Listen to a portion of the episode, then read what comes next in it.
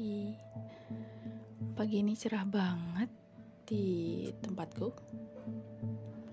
Kembali lagi dengan aku Leni di podcastku tentang uh, berbagi pengalaman kehidupan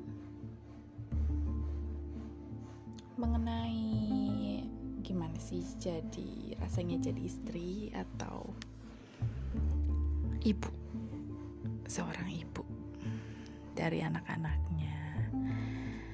Semoga bisa memberi manfaat dari apa yang aku sampaikan ini. Karena ini belajar. Jadi mohon dimaklum. Berbicara itu menyenangkan untukku. Dari dulu bertemu dengan suami pun dulu karena aku memilah orang itu jika orang tersebut cocok komunikasinya denganku. Karena yang aku titik beratkan komunikasi adalah satu poin utama dalam menjalani kehidupan bersama. Mungkin teman-teman ada yang berpikiran seperti itu, mungkin juga ada yang berpikiran lain karena prioritas hidup orang ya berbeda-beda. Betul ya? Untukku jika komunikasinya baik setiap harinya pun akan terasa nyaman. Ya walaupun tidak akan terlepas dari gesekan karena ya pasti ada aja untuk tantangannya ya. Kalau aku melihatnya itu hidup tuh bukan ada masalah, tapi ada tantangan.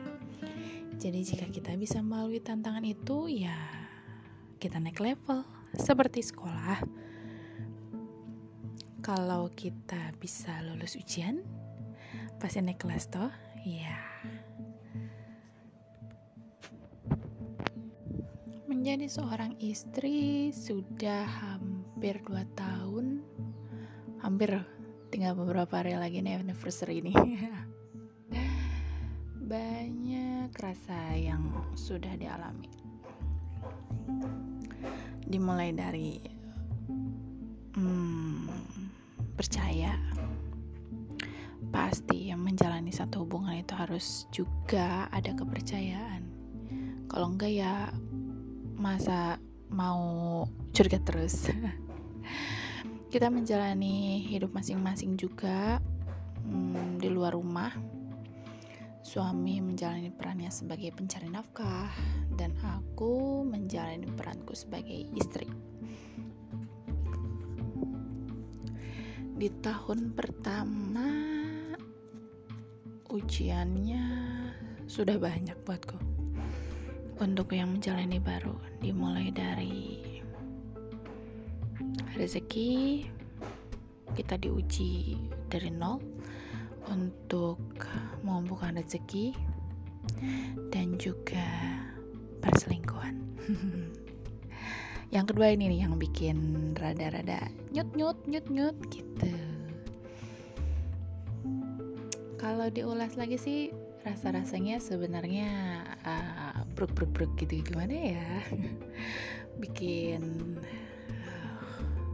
kacau lagi sih cuman balik lagi aku uh, berbicara ini kan atas dasar untuk sharing hal yang pertama itu yang tadi aku sebutkan masalah rezeki Tuhan kasih kami cobaan untuk rezeki karena memang aku maklum dengan kondisi tersebut. Karena aku memilih seseorang yang bukan berharta banyak. Basicku adalah pernikahan, menjalani hidup untuk mendapatkan ridho Tuhan. Untuk ketenangan hidup, kedamaian hidup, punya teman hidup, menjalani kehidupan. Jadi soal soal rezeki untukku tidak masalah selama kita menikah, aku rasa-rasanya tidak banyak menuntut untuk hal rezeki. suamiku harus bawa uang berapa, harus mempunyai gaji berapa, atau harus mempunyai pekerjaan apa, tidak sama sekali. Bahkan sebenarnya ya masalah paras pun ya tidak jadi hitungan di awal. Ya walaupun aku nggak uh, munafik tidak memilih yang terlalu buruk sih ya. Yang kedua ini, hmm, yang luar biasa menurutku, perselingkuhan. Perselingkuhannya terjadi di tahun awal kita menikah, di awal-awal setahun lebih deh kayaknya. Di awal-awal kami mempunyai anak. Kami menunggu anak itu sekitar tiga bulan tapi rasanya lama banget. Karena emang pengen cepet-cepet punya anak. Tiga bulan tuh rasanya wah hitungan tahun mungkin ya. Sebulan nunggu dua bulan nunggu akhirnya bosan. Gak usah nunggu. Eh pas nggak nunggu malah dikasih. Berapa bulan berjalan si anak ini? Hmm, kok dikasih Tuhan cobaan seperti itu. Semuanya terbaca karena emang tipikal aku ini orang yang logis.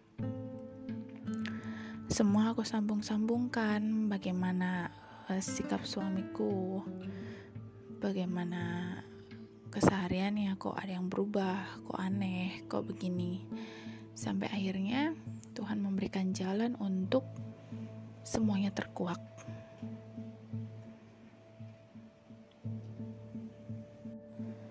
Itu rasanya luar biasa. Luar biasa pengalaman yang paling paling paling pahit. Seumur hidupku yang pernah aku alami yang dikasih Tuhan untukku. Aku selalu berkata tidak ingin terulang kejadian dari orang tuaku atau siapa pun orang yang sebelumnya pernah mengalami itu karena aku suka jadi tempat curhat beberapa orang dekatku. Eh pada akhirnya aku sendiri yang merasakan. Dan itu rasanya luar biasa luar biasa banget. Hampir kandas karena aku tidak ingin berkomitmen dengan orang yang ternyata tidak bisa komitmen juga. Tujuan pernikahanku udah jelas, aku ingin hidup bersama, aku ingin oh, kita beribadah bersama, sampai akhirnya nanti kita mendidik anak dan kita berkumpul kembali ke surganya Tuhan Jika tidak, aku memberikan konsekuensi, ya sudah. Aku mengikhlaskan. Tapi pada akhirnya, suamiku ingin memperbaiki untuk ketiga kalinya dengan orang yang sama. Akhirnya aku kasih kesempatan kedua. Dan sampai saat ini, alhamdulillah,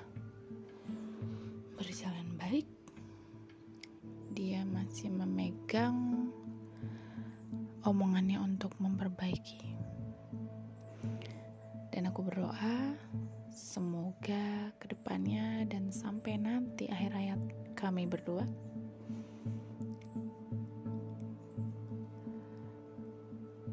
aku bisa menerima ujian yang lain, tapi untuk satu itu tidak sama sekali. Karena aku tidak ingin ada balas dendam, aku ingin jadi istri yang baik dan tidak perlu yang seperti itu dibalas. Aku hanya ingin fokus dengan kehidupanku, mengumpulkan pahala, mendidik anak-anakku menjadi anak-anak yang baik, yang soleh dan soleha. Semua mau yang baik dan benar.